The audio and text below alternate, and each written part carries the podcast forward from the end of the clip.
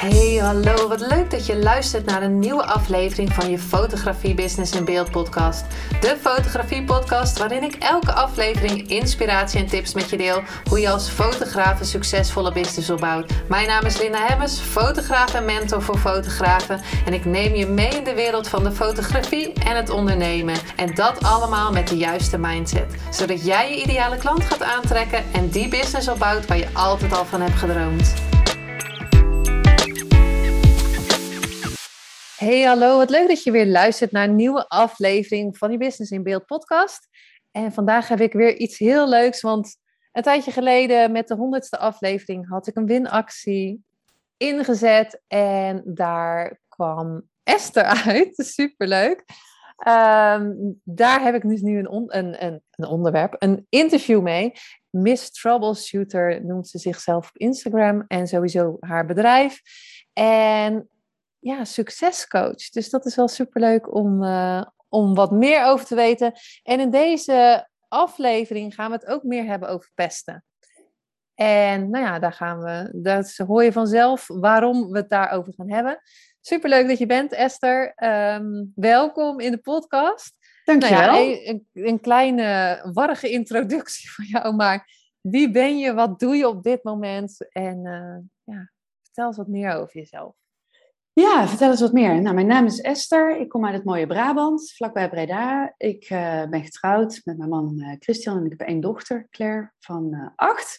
Mm. Ik heb een bedrijf dat heet inderdaad Miss Troubleshooter. En daarmee begeleid ik vrouwen van het werknemerschap naar het ondernemerschap. En zet ik ze succesvol als ZZP'er in de markt. dat doe ik eigenlijk met een heel compleet pakket wat ik zelf ontwikkeld heb, heel programma. Uh, om een goede vertaalslag te maken naar, nou, wat doe je nu precies? Uh, wat zoekt je klant dan? Hè? Wat is de pijn waar zij tegenaan lopen?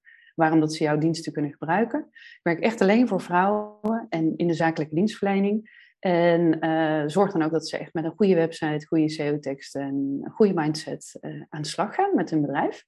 Ja, want jij hebt dan een heel team, hadden we het net in het voorgesprek over. Ja. En dan zet je dus, nou ja, goed, voor de website zet je dan die in en ja, klopt. Ze, ja. ja, ieder uh, zijn haar uh, eigen expertise natuurlijk. Toevallig zijn het eigenlijk ook allemaal vrouwen waar ik mee werk.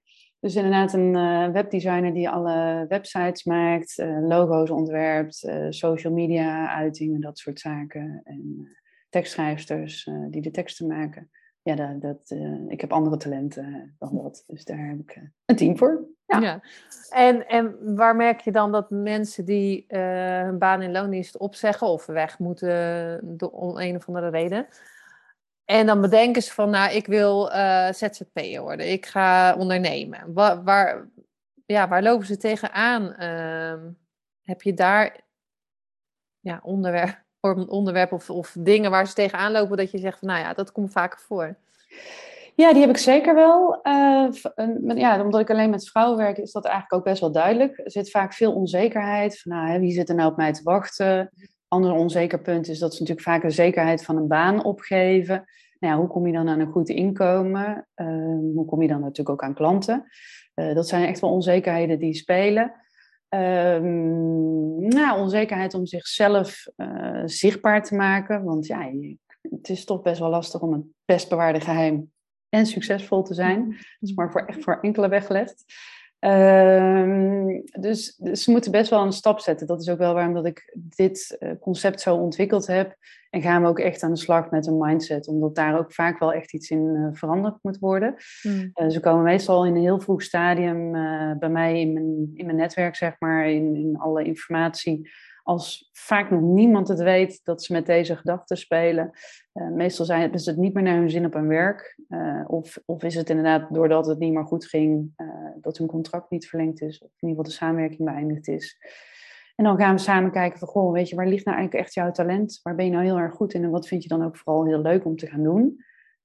en daarmee help ik ze dan met het starten van hun bedrijf. En heb je dan het idee dat ze eigenlijk bij jou komen van, nou, ik ga nou, bijvoorbeeld fotograaf worden? Mhm. Maar jij gaat de vragen stellen en dan kom je erachter dat ze eigenlijk hele andere talenten hebben. Of... Dat komt inderdaad vaak wel voor. Um, gek genoeg wil iedereen virtual assistant worden. Oh. En die komen dan eigenlijk ook best wel regelmatig op mijn pad. En geen van alle woorden virtual assistant. Uh, wel spreekt vaak het, het virtueel, het remote werken enorm aan. Omdat ze vaak een gezin hebben of uh, mensen waar ze nog zorg voor dragen in hun, uh, in hun omgeving. Hoeft ook niet per se familie te zijn. Waardoor ze het fijn vinden om een eigen agenda in te plannen. Um, en daar gaan we dan eigenlijk meestal mee aan de slag. Maar het klopt inderdaad. Ik heb een dame die is gespecialiseerd in HR. is echt een HR-consultant. Een dame die is juridische secretaresse, projectmanager um, en zo eigenlijk allerlei verschillende expertises. En één dame, die hebben we echt een zelfbenoemde titel gegeven. Mm. Die is nu uh, Office Performance Expert. Mm, klinkt mooi. Ja, echt uh, processen verbetert ze op kantoor. En dat is echt wel, uh, ja, blijkt ook wel een gat in de markt te zijn. Dat is wel tof. Mm. Ja. En, want hoe ben jij hier, we hadden het net over de introductie, toen zei je succescoach, vind ik altijd een ja. mooie, mooie titel. Ja. Hoe het is.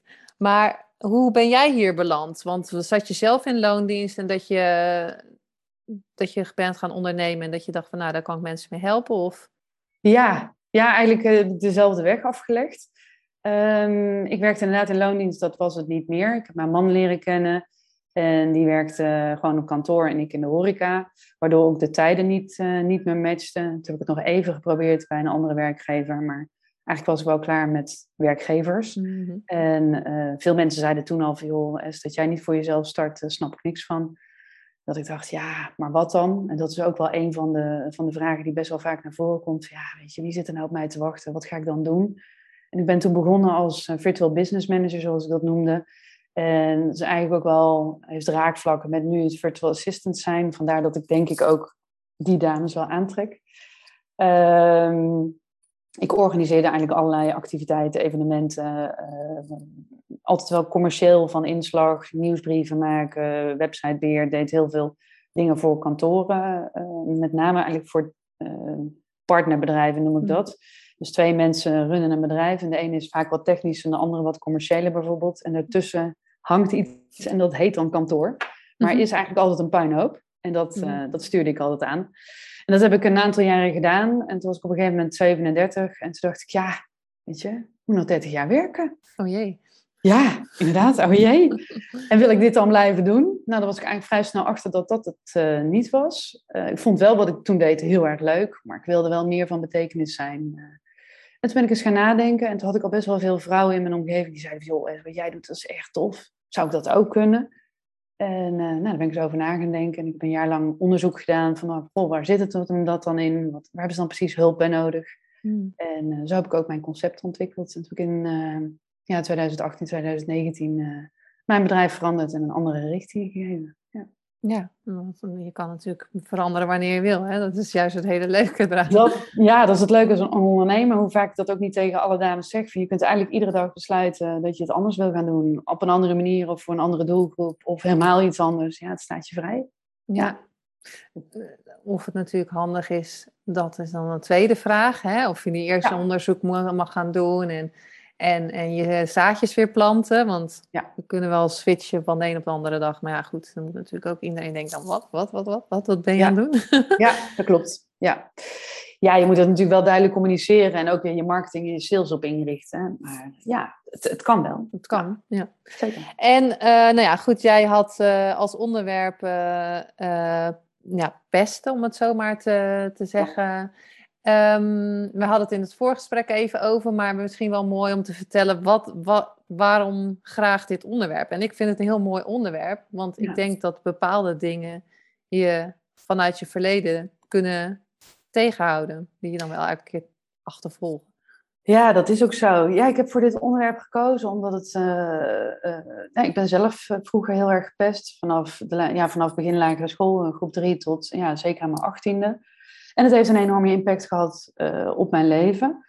Uh, maar ik heb dat ook wel echt weten om te draaien naar een heel mooi leven nu. En ben ook heel erg met mezelf aan de slag gegaan.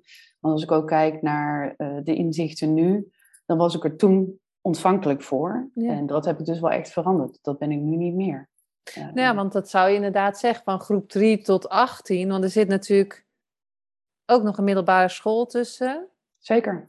Dus dan heb je eigenlijk van de lagere school het meegenomen, van iedereen pest mij of zo. Dat je eigenlijk manifesteerde dat iedereen je toch weer geen best, of niet? Ja, sterker nog, ik dacht echt, nou, nou ga ik naar de grote school. Hè? Dacht je toen, als je een jaar of uh, 19 bent, nou weet je, dan wordt alles anders, wordt alles beter. Dat had ik wel echt verkeerd ingeschat, want dat was het hmm. tegenovergestelde. En hoe ik dat dan toch voor elkaar heb gekregen, uh, ja, ik had daar denk ik toch de verkeerde intenties op gezet of zo. ja. ja, misschien in je onderbewuste dat je, dat je toch dacht van ja, ze, misschien zullen ze, nee, ja. Nou, het veranderde ook. Ik, in eerste instantie werd ik gepest, uh, nou weet je, als laatste gekozen worden voor de gym en uh, hè, dat soort dingen buitengesloten worden. Ik had een jongetje in de klas, dat was niet heel erg groot en ik was toen al wel best wel lang, dus die kwam niet hoger dan mijn knieën, maar die schopte me echt iedere dag tegen mijn schenen aan. Mm. Uh, weet je wel, um, een klasgenootje wat verder weg woonde, dus met de fiets naar school ging. Oh, wil je dan achterop springen en dan ineens hard wegfietsen? Ja. Dat je naast die fiets valt. Dat soort praktijken, die, echt die pesterijtjes. Waarbij het op het middelbaar wel uh, heviger werd. En ook wel echt op een andere manier. Maar het zijn natuurlijk ook grotere kinderen dan met weer andere uh, ervaringen, andere middelen. Uh, ja, dat op een strenge school. En, en ja, want we hadden natuurlijk toen helemaal nog geen social media. Maar nee. wat merkte je zelf dan uh, bij jezelf aan je gedrag of zo? Dat je niet meer wilde naar school? Of, uh... Uh, nou, nou, ik wilde niet echt meer naar school. Dat, dat, dat viel eigenlijk nog wel mee. Ik probeerde toch wel echt iedere dag weer het beste en het positieve van de dag te zien. En ging toch eigenlijk altijd wel weer met frisse moed naar school. Maar werd wel iedere dag opnieuw uh, teleurgesteld eigenlijk in, in de mensen om me heen. Mm. Uh, wat dan wel resulteerde dat ik gewoon moeite had om me te concentreren, moeite had om uh, op te letten in de les, mijn huiswerk te maken, want ik was gewoon ja, eigenlijk wel heel verdrietig. en met momenten ook wel heel eenzaam. En dat, dat had wel eens weerslag op alles wat ik wilde doen. Ja. En merkte je in de omgeving dat er volwassenen waren die dat, dat oppikten? Of die daarmee. Ja, ja. Nu, denk ik wel dat nu tegenwoordig wat meer. Het was toen echt een taboe nog. Uh, dat is nu wel minder gelukkig. Hè. Er wordt mm. nu meer over gesproken. Er is nu ook wel iets meer over bekend. En landelijk wordt er ook wel nu meer over opgepakt. Uh, of dat de goede manier is, dat weet ik niet, maar dat zal de toekomst moeten uitwijzen. Uh, nou, de volwassenen om me heen toen reageerde ook wel veel, weet je, iedereen wordt wel eens gepest. Mm min of meer stel je niet zo aan. Mm. Ehm, dat heb ik toen natuurlijk ook wel geprobeerd. Ik, heb, uh, ik woonde in een dorp, een mentor van de school, die woonde ook bij mij in het dorp. En kende ook mijn ouders wel in vertrouwen genomen. Uh, dat was ook gewoon echt mijn klassenmentor. Dat bleek niet zo'n verstandige zet. Mm.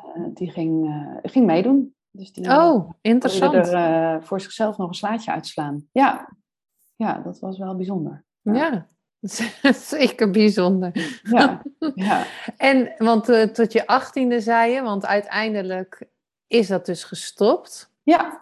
ja. Um, en, en was dat de reden dat je dan ging werken of, naar, naar, of ging je dan naar een, een, een opleiding waar het niet meer was? Of... Nee, in eerste instantie ben ik eigenlijk wel geklapt thuis. Dat was nog op middelbaar dat ik echt tegen mijn vader zei. Mijn moeder was toen uh, ja, ook op zoek naar zichzelf. Zo. Uh, maar in ieder geval, ik was met mijn vader samen thuis. En toen heb ik wel echt aangegeven, joh, weet je, dit trek ik niet meer. En zijn oplossing was dat ik inderdaad in drie weken uh, op een andere school zat. Mm. dat heeft wel geholpen. maar er was, was contrast kon niet groter zijn tussen de twee verschillende scholen, zeg maar. Dus daar zat ik aan de andere kant uh, van het spectrum. Hmm. Uh, ook interessant, achteraf gezien. Um, toen ben ik naar een, een, beroepsopleiding gegaan, omdat ik dacht dat ik dus niet zo heel erg goed kon leren. Omdat ik me niet goed kon concentreren, haalde ik natuurlijk ook gewoon echt slechte cijfers. en dat was ook wel waar mijn ouders wel graag nou ja, andere resultaten zagen natuurlijk. Dus dat zorgt dan voor zo'n cirkel, zo'n spiraal waar je dan voor lastig uitkomt. Want doordat je niet kunt concentreren, kun je je huiswerk niet goed maken, maak je, haal je geen goede cijfers, zijn je ouders boos. Die zeggen dan van, nou weet je, dan moet je misschien maar niet meer gaan spelen en niet meer hier naartoe. Hmm. Maar daar wordt het concentreren niet beter van.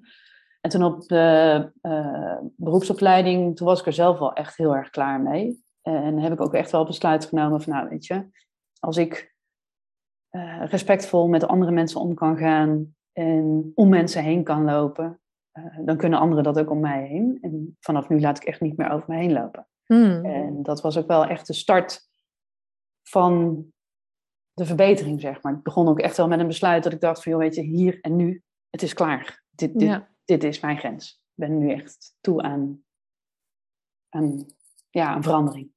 Ja, maar dat, dat, dat hoor je ook, hè? Dat je eigenlijk, dan ga je, blijf je de hele tijd door. En ik denk, als iemand nu luistert, Ja, eh, bij mij was dat ook, hè? Dat je een besluit neemt tot hier en niet verder. En dan zie je vaak dat dan een andere uitkomst eh, klopt. Ja, dat klopt. Nou, er kwam ook echt wel een andere uitkomst. En doordat ik ook besloot van, joh, weet je, het is klaar, ik accepteer het niet meer. Mhm. gebeurde het ook niet meer. En zeker niet meer zo frequent eh, als toen. En ik moet zeggen dat het toen wel een volwassene was. Want ik was en je kent het wel, dat zie je tas op school. Tegenwoordig hebben de leerlingen dat misschien niet echt meer, maar nog zo'n groot 24 inch multomap. Echt Mhm. oldschool. Maar dan gooide ze je tas om en dan viel natuurlijk alles op de grond. En heel die multomap door heel de klas. Weet je wel. En iemand had mijn pennen afgepakt. En op een gegeven moment was ik er inderdaad ook wel zo klaar mee. Toen ben ik inderdaad wel opgestaan in de klas, mijn pennen afgepakt. En eh, die knul toen een wel verkocht. Oeh, Ja, midden in de les. Ik ben gewoon echt op staand knapte, gewoon echt. Ja. Ehm ben ik overigens niet per se trots op hoor, maar het was Nee. ook wel, het hielp wel met de tijd te keren, zeg maar. En de docent die toen de les gaf, dus dat was echt al wel op de beroepsopleiding, eh was een koksopleiding. Ehm, dus die man, die, die docent, die zette een applaus in. Die zei, Mm. goed zo meisje, voor jezelf opkomen. Hartstikke idee. En ik zat toen in een klas met alleen maar jongens eigenlijk en drie meiden. Oh. Want het was echt een, ja, het was toen nog ook, ook zoiets, hè. Het was ook een mannenberoep nog ja. worden. Inmiddels ook wel veranderd. Maar eh, ja, klinkt alsof ik heel oud ben nu. Ja. Goed. Nou ja, dat geeft. Ja. Ja, nee, maar dat, dat, dat is wel mooi wat je zegt. Want ehm, hè, je, je kwam voor jezelf op en je Ja. ging je eigen grenzen stellen. Maar aan de andere Zeker. kant heb je wel geluk gehad aan één kant dat er zo'n leraar was die dat zag van... hé, hey, dit ehm, was van die gast niet helemaal eh, Nee. de goede move. Maar Ja. wat je had, ook kunnen zeggen van... ja, vlieg jij even naar de rector, hoe heet eh, iemand, Ja, mentor... Zeker. Ja, En eh, je bent zelf de Sjaak. ja, dat klopt. Nou, ik denk dat hij toen wel aan mijn gezicht eh, af had kunnen lezen dat ik zelfs dat op dat moment niet meer gedaan had. Ik denk dat Nee. ik gewoon was blijven zitten. Zo klaar. Ja. Ja. Zo was ik dan. ja, maar wat ik zeg, het beg- begint met een besluit. En dat Ja. besluit dat had ik natuurlijk al wel wat eerder genomen. En dit was een gevolg daarvan. Dus dat, dat, dat straal je dan ook wel uit. Dus ik denk dat hij ook niet, ja, niet echt een andere keuze had dan dit. Of inderdaad, nou ja, het andere had waarschijnlijk geen effect meer op me gehad op dat moment. Nee. En, eh, want we hadden het in het voorgesprek ook over, want hoe, hoe heb je dat verder toen gedaan? Ben je, we hadden het over manifesteren net, Ja. maar wanneer Ja. kwam je er dan achter dat jij dus ook ging manifesteren? Wat we Ja. allemaal doen. Ah, eigenlijk pas veel later, want je zelfvertrouwen is natuurlijk echt, eh, nou, echt ver beneden het vriespunt. Hmm. Ehm, als ik het omschrijf of aan iemand, maar ik vertel het niet zo heel erg vaak. Dus, maar als ik het omschrijf, is dat ook wel echt zo. Je, je bent natuurlijk gewoon helemaal afgebrokkeld. Je zelfvertrouwen is onder nul. En dat moet je dan eigenlijk wel weer op zien te bouwen. Eh, nu zijn er ook best wel veel hè, mindfulness en al dat soort dingen en workshops. En ik moet zeggen, dat was toen eigenlijk nog niet zo. Dus hoe bouw je dat dan weer op? En dat is ook wel wat mij het inzicht geeft met inderdaad de term manifesteren. En ik heb, als ik het nu zo omschrijf, heb ik eigenlijk een nieuwe Esther eh, ontwikkeld. Eh, ik zag eigenlijk allemaal mooie eigenschappen, mooie dingen van andere mensen. Dat ik dacht, oh weet je, was ik maar een beetje zo als zij. Of Hmm. was ik maar wat assertiever. Of was ik maar wat eleganter. Of nou ja, noem, het, noem een mooie eigenschap waarvan ik dacht. En dat ging ik ook wel gewoon kopiëren. eh, als zijn van, nou weet je, dat wil ik, wel gewoon, wil ik ook gewoon wel worden. Dus daar ging ik op oefenen. Daar zette ik eigenlijk mijn intenties dus op. Met de kennis van nu. Van nou weet je, dat ga ik doen. Dat ga ik mijn eigen maken. En zo heb ik met allemaal puzzelstukjes een eh, nieuwe Esther gepuzzeld. Waarbij ik op een gegeven moment dacht, nou, weet je, dit is best wel leuk. was mijn zelfvertrouwen wel weer boven het vriespunt. En natuurlijk, hè, het is eh, drie stappen vooruit, eh, eentje terug. Maar eh, dat ging eigenlijk heel goed en dat ging eigenlijk ook heel vlot. Dus toen op een gegeven moment was ik ja, een jaar of 18 inderdaad. En toen had ik eigenlijk wel heel die nieuwe puzzel gemaakt. En was ik ook wel echt content met mezelf. En ja, dan moet je er nog aan werken. En dat heb ik dan ook wel gedaan, dat dat gewoon wel weer authentiek wordt. Ja. Voor mijn gevoel was ik toen niet helemaal authentiek. En ja, je, zeg, uh, ja, ik weet niet hoe lang exact.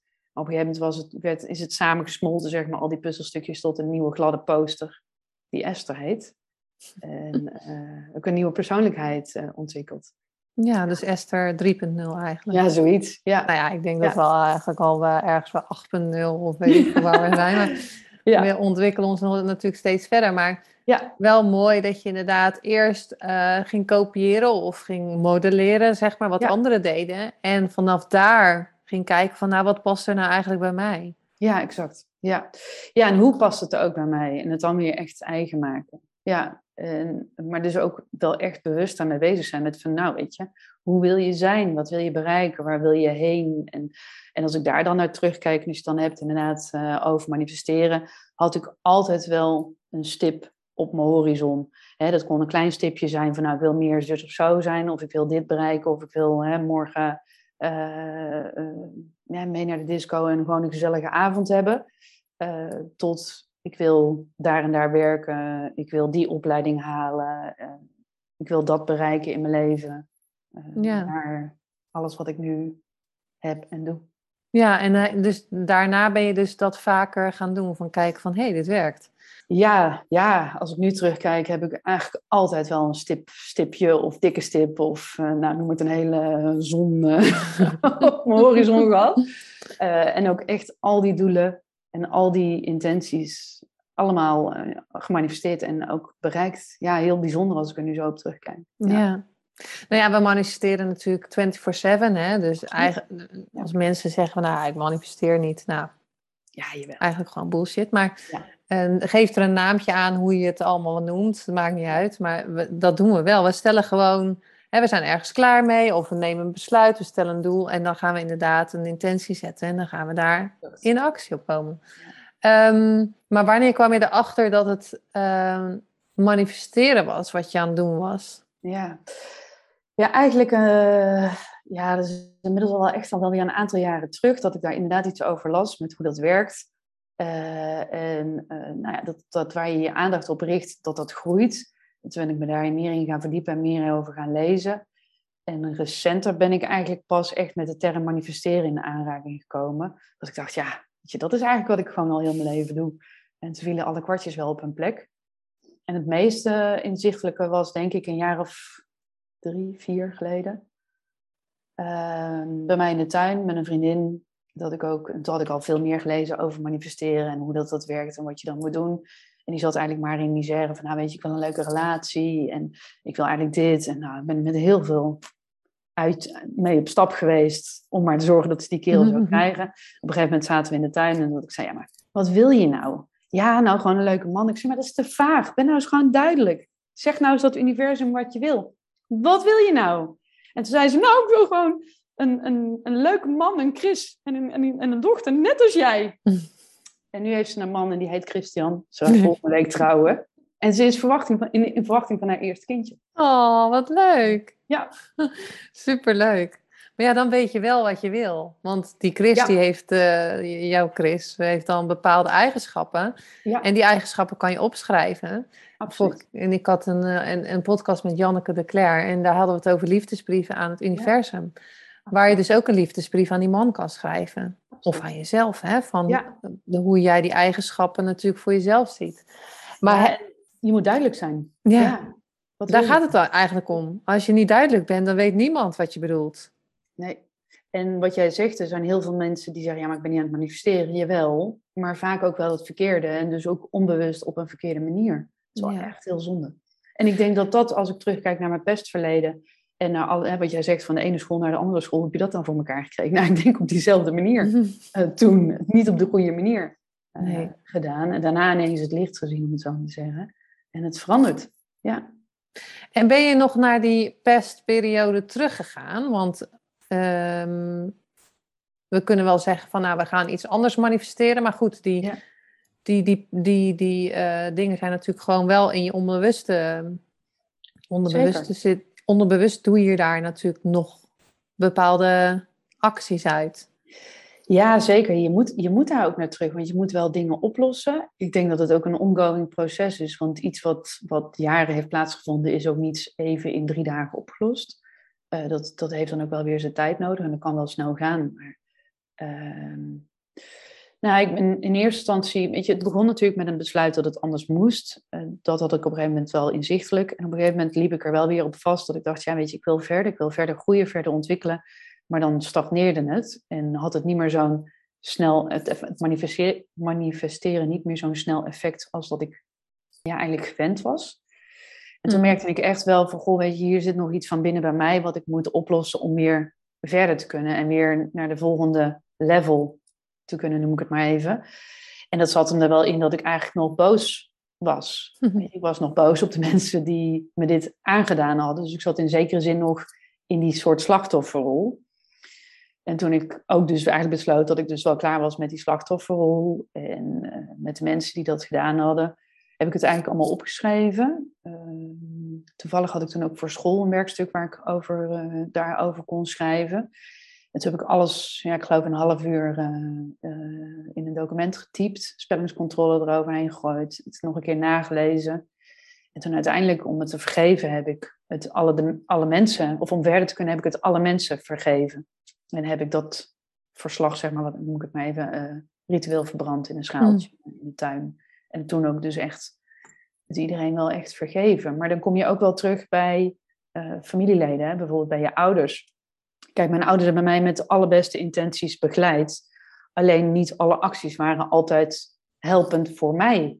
Maar dat waren ze zich niet bewust. En als ik nu terugkijk naar de pesters, uh, de meeste pesters waren niet bewust bezig met mij te pesten of het mij het leven zuur te maken. Weet je, die hadden zelf ook issues en het was een weerslag van hun gedrag, wat ik mezelf aantrok. Ehm, en ja, daar kan ik heel lang heel boos om blijven, maar het zit bij hun niet in de weg. Dus gauw loslaten uh, en niet meer in de weg laten zitten. Uh, en zo zijn er wel steeds meer dingen die je kunt doen en, en ook los moet laten om het manifesteren weer um, ja, aan te zwengelen. Is dat ja. ja, weer vrij pad geven, vrije ja. weg geven. Ja. Ja. ja, maar het is wel mooi dat je er zo naar kijkt. Hè? Want we vinden dan heel, veel, uh, heel veel van die pesters. Ja. Maar, en dat is nu denk ik op social media heel erg uh, makkelijk. Ja. Om maar te vertellen wat je allemaal vindt en wat je van die vindt. En het is natuurlijk, als je gaat zien, of hoe, hoe zie jij dat? dat bij iemand, eh, als iemand dat doet op social media, wat geef jij jouw klanten daarin mee van, ja, hoe ze daar maar naar mogen kijken?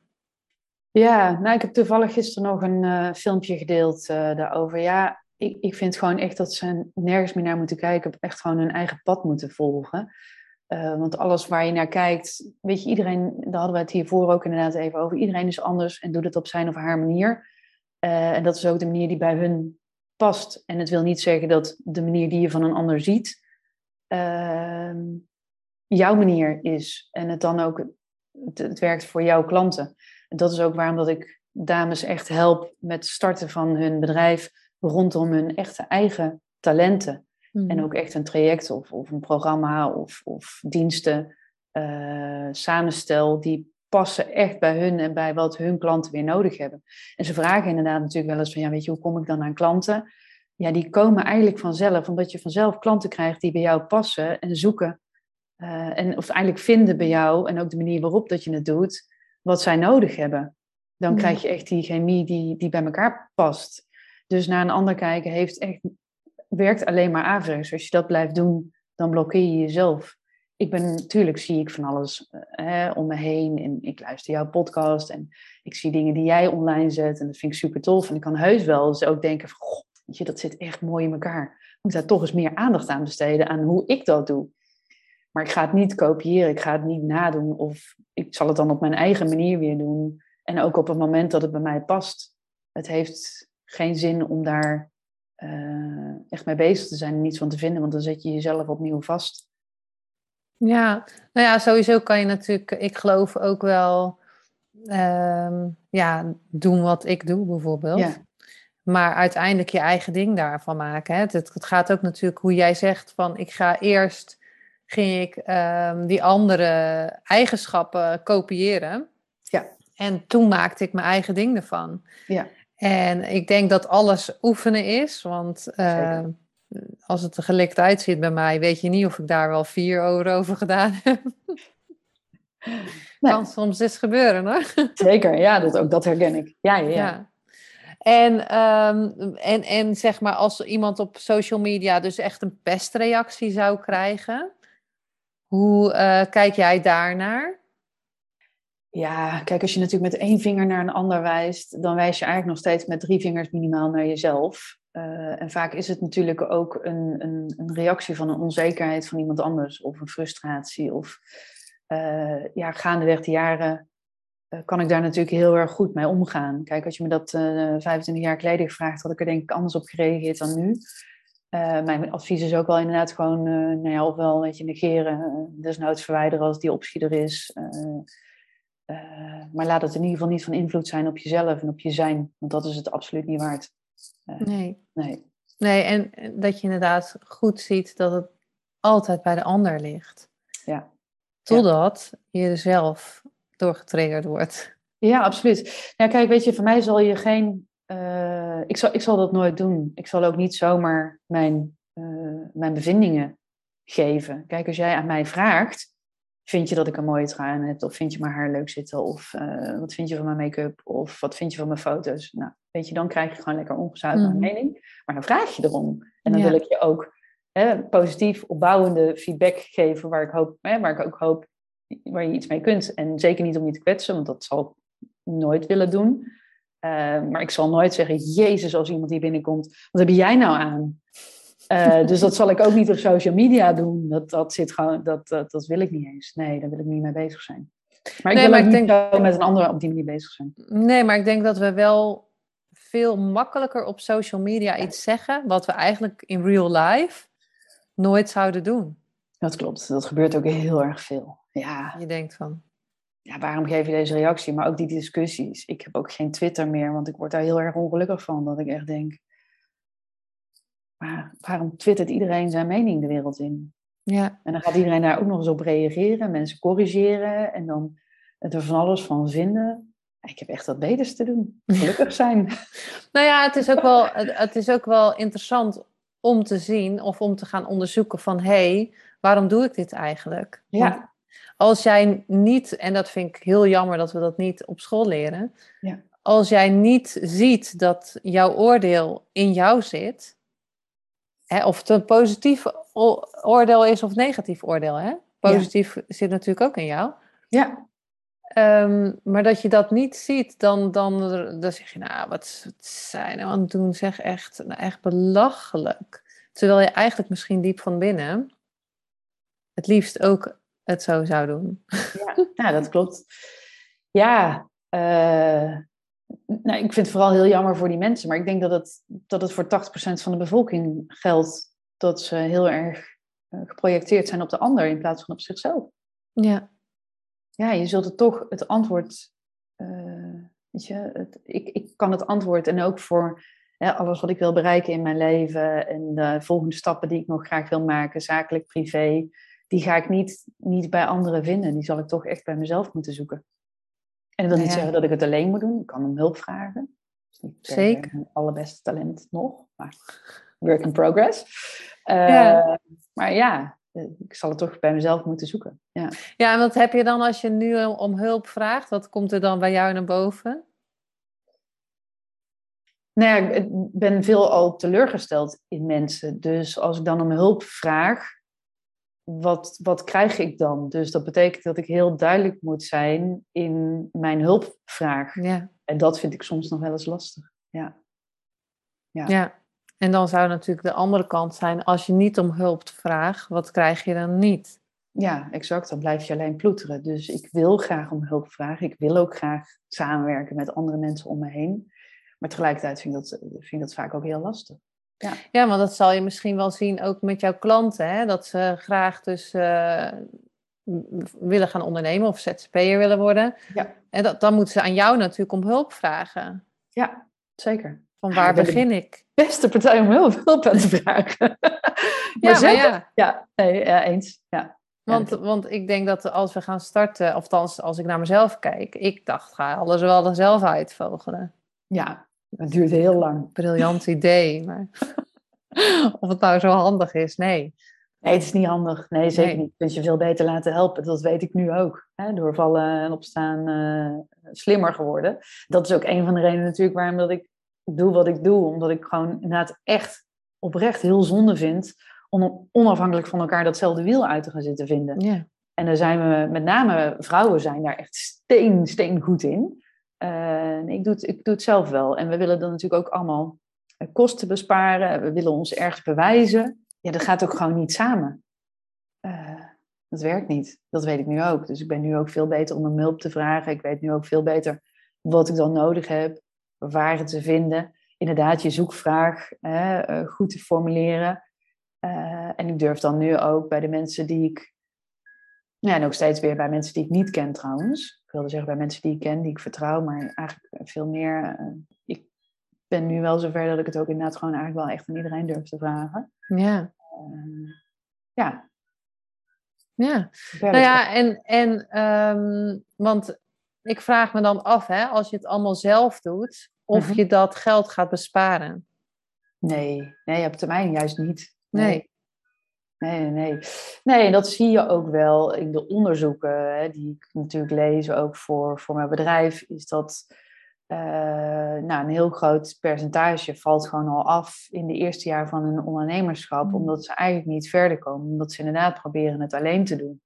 En uh, daarin zie je dan ook nog dat de mensen die dan hè, wel een website live krijgen en hè, de dingen dan zover krijgen dat ze dan echt ingeschreven zijn bij de Kamer van Koophandel, dan ook nog ja, er eigenlijk tegenaan lopen uh, dat het niet succesvol is naar, naar hun zin of, of niet bereiken wat ze dan eigenlijk voor ogen hadden. En dan ook alsnog afhaken. Ja, vind ik echt heel zonde. Heel zonde. Daarmee blijft ook heel veel uh, ja, eigenlijk onbenut talent, hè, of heel veel talent verborgen. Uh, ja. Waar we met z'n allen heel veel aan kunnen hebben. Ook andere ondernemers. Ja, het is echt ja, en ik geloof ook eh, echt dat je ook, hè, als je op dat punt zit dat je helemaal aan de grond zit, dat je dan nog altijd ja. Um, weer boven de grond. Ja, je hebt altijd een uitweg, altijd een keuze. Ja, zeker. Ja. En, en je hebt altijd het, het, de, de. Nee, dat, dat is ook wel echt wat ik zeg. Je hebt altijd de keuze om iets te veranderen, om voor jezelf te kiezen, om het beter te doen, om om hulp te vragen, om nou, een ander pad te bewandelen. Eh, als dit het niet is, nou ja, goed, dan heb je het geprobeerd. Het is vervelend dat het niet is wat je dacht of wat je hoopte wellicht. Maar heb je dan ook echt wel goed gekeken naar, naar jezelf? Dat kun je dan natuurlijk ook afvragen. Want als je, hè, dat is wat ik ook wel aangeef, heel veel dames komen bij mij dat ze zeggen van, nou weet je, ik wil graag virtual assistant worden. Kijk, als dat helemaal bij je past, is het super tof en kun je daar ook echt mega succesvol in worden. Ehm, maar het is niet, ook niet weer iets voor iedereen weggelegd. En ik denk dat er ook nog heel veel onduidelijkheid bestaat over. Het is natuurlijk ook een heel breed beroep, noem ik het maar even nu. Wat, wat pak je dan als expertise? Uh, en daar zit dan ook weer een stuk communicatie aan vast, natuurlijk. Van, ja, weet je, hoe profileer je jezelf dan? Waar ligt dan ja, jouw expertise, waar die klant dan weer echt wat aan heeft? Uh, ja. En dat is ook wel, denk ik, nou, als we het nog even hebben over vrouwen en mannen zijn daar toch echt wel iets anders in. Mm Maar wij denken van, nou weet je, we, we, ik heb heel veel talenten, ik kan alles, ik wil overal mee helpen. Waardoor mhm. we ook heel breed zijn, maar dus ook weer niet duidelijk. En doordat we dan dus niet duidelijk zijn, ook niet naar het universum met wat we graag willen doen en waar we nou eigenlijk echt heel erg blij van worden, gaan we die opdracht ook niet krijgen. Eigenlijk is dat ook echt manifesteren, je klanten mhm. ook manifesteren. Ja. Op het moment dat je duidelijk bent met wat je wil, wat je gaat doen, waar je voor staat, krijg je ook die klanten die bij jou passen. En die daar dus ook echt mega blij van worden en jou op handen dragen. Ja. Ja, ja. ja nou ja, dat is wel, wel mooi dat je dat zegt inderdaad. Want ik denk dat we juist heel erg, ehm, ja, als we echt precies weten wat we willen, als we weten eh, onze grenzen aangeven, als we ook inderdaad mogen een keer zeggen van, nou ja, uh, ik weet het niet meer. Uh, kan iemand mij alsjeblieft helpen? En ik denk dat daar best wel nog veel nou ja, taboe of, of veel, ik kan even geen woord voor vinden, maar dat, dat ons tegenhoudt om dat niet te doen. Ja, dat klopt. Nou, het zit hem enerzijds in het financiële plaatje, want als een man voor zichzelf gaat beginnen, dan vindt iedereen het heel erg normaal dat daar een, een lening voor komt of budgetvrij voor gemaakt wordt. Maar een vrouw die moet het eigenlijk maar gewoon naast haar baan maar op gaan zetten. Mm. En als het dan succesvol is, dan mag ze switchen naar het bedrijf. Maar eigenlijk werkt dat natuurlijk ook niet. Want als je nog steeds in loondienst bent, ik noem het altijd maar een soort van energetisch lijntje met je werkgever. En zodra die werkgever belt, schieten wij in, in ehm, ja, rechtop eigenlijk, hè? of in het, in het, in het keurslijf Mhm. eh, voor die werkgever. Ook al is het niet onze werkdag voor die werkgever. Ja. Ehm, en daardoor blokkeren we onszelf ook enorm. Ehm, en ik denk dat dat wel meer bij vrouwen ook speelt dan bij mannen. Ja, dat heb ik ook echt vaker vindt, gehoord. Nee, maar dat, die, die hoor ik ook echt vaker. Ik denk dat we, nou, sowieso hebben wij veel meer gedachten dan mannen. Ja. Maar mannen die, nou ja, ik denk, denk zeker dat mannen ook onzeker zijn. Ik denk zeker Absoluut, dat er er onzekerheid is bij mannen. Maar de, die mannen die durven veel meer te zeggen, nou, ik ga dit gewoon doen. En eh, niet lullen, maar poetsen. Of wat is het? Ja, dat is ook wat je ziet eh, als we kijken naar ons cv. Hè? Als wij ons cv eh, vormgeven, dan halen we zo al 10% van ons cv af. Zelf Hmm. al vrijwillig. Want dan denken we, ja, maar ik heb, dat was een duo-job met Linda. Maar Linda deed dat eigenlijk veel meer en veel beter dan ik. Dus ik zet het er bij mij maar niet op. Ja, En ehm, zo meer van die dingen, ja, die opleiding. Maar ja, het stelt eigenlijk ook niks voor. En dan halen we hem er eigenlijk wel weer af. Terwijl die man, die zet alles erop. Sterker nog, die bluft er zo 10, 20% bij. en als wij dus bij een man solliciteren, die denkt, nou, die, eh, die heeft er ook vast wel wat bij gebluft. Dus die Mhm. haalt er ook wel gewoon weer wat af in zijn gedachtegang. Van nou, weet je, dit is, eh, het zal wel een beetje overdreven zijn dat ze dit gedaan heeft. Nou, hè, je ziet het voor je. Maar dan is het dus zo. Maar 15, 20 procent van ons cv wat er even afgehaald wordt. Dus ook 15, 20 procent van onze kans op die baan of op die opdracht of wat we ook doen. Ik heb laatst wel een heel interessant eh, gesprek ook gehad met een eh, mannelijke recruiter inderdaad. En hoe, hoe hij naar dat cv kijkt. ja. Is echt totaal anders dan dat ik dat als, als vrouw doe. En ook eigenlijk als niet-recruiter, als leek op dat gebied om het zo te Ja. zeggen. Eh, daarnaar kijkt. Dat is, dat is echt bizar. En dat zit hem gewoon soms al in woordkeuze. Ja, maar ook, ik denk ook net, ja, als, als onder, on- ondernemer solliciteer je dan niet, en bij Nee. klanten misschien wel, maar Ja. ehm, dat je eigenlijk binnen, binnen een paar seconden Ja. weet die vrouw al van, nou, dit wordt niks, dit wordt niks. Nee, dat klopt. Ja. En zo'n man doet er veel langer over. Volgens mij doet een man langer over, toch dan een vrouw. Een vrouw die heeft gelijk al gelijk van, ja, we hebben ze ook al wel gelijk in een hokje gepropt. ja, ja, dat is natuurlijk ook waar wij het hiervoor heel even over hadden. Hè? Over de, de krabbenmand. Hè? Dat als je alle krabben in een mand doet, dan hoef je daar geen deksel op te doen. Want die, die trekken elkaar wel weer naar beneden, zodat Mm. alle krabbetjes in de mand blijven. Dat doen wij als vrouwen eigenlijk ook. Hè? Dat is een mooie metafoor. Ehm, want als jij denkt, oh nou weet je, ik ga helemaal shinen op Instagram en op Facebook als de fotograaf van Nederland en de zus en de zo. De eerste beste die je tegenkomt zegt, jezus, ben jij nou mee bezig? Hmm. En eh, oh, nou, die heeft ook wel hoog in de bol gekregen. Ontvolg. Daar zijn we natuurlijk steengoed in met z'n allen. ja, Lekker voor jezelf vertrouwen. ja. Nou ja, en ik denk dan, joe, ik blijf gewoon mijn eigen Ja. koers varen. Precies. Ja, nou, En, dat moet je ook doen, maar dat is soms best wel lastig dan. Ja, Ja, tuurlijk. Je bent natuurlijk geen, ehm, geen ijskonijn. nee, dat is waar. Nee, dat is absoluut waar. Ik moet wel zeggen, bij mij valt het echt mee hoor. Bij mij inmiddels ook. Ja. Ik kan me wel voorstellen dat er nog heel veel dames zijn die wellicht ook wel naar deze podcast luisteren, die denken, oh ja, weet je, herkenbaar. Ja, nou ja, en ik, en, ik, en ik hoop zeker met deze podcast dat we veel meer naar onszelf gaan kijken. Dat is echt mijn, mijn eh, intentie ook voor de podcast, zodat, zodat we, nou ja, ik zie het leven als gewoon één onderzoek. Ja, dat is het ook. Eén groot ontwikkeltraject. Ja, één grote onderzoek. En dan, dat, Ja. als je zo gaat kijken, dan wordt het zo briljant. Ja. En dan naar de spiegels die je allemaal voor je krijgt, eh, de triggers, dat je denkt nou, echt stom. Oh ja, oh ja, ik moet weer even kijken, wat, waarom vind ik dit stom? Oh, ik wil het eigenlijk ook. Oh, oh, interessant, weet je wel? Naar schaduwen, oordelen, alles. Ja.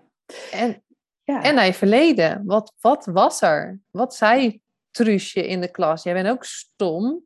Ja, dat klopt. Nou, het is eigenlijk wel mooi dat je dat zegt. Mag ik je een voorbeeld geven? Ja, zeker. Ja. Ik heb een, uh, een coach-traject gedaan met een paardencoach. Uh, Mandy heet zij. En ik stond, nou, je dus altijd wel bezig met aan mezelf te werken. Ik vind dat dus ook echt heel erg leuk. En het wil echt niet zeggen dat ik iedere week in die wei sta. Maar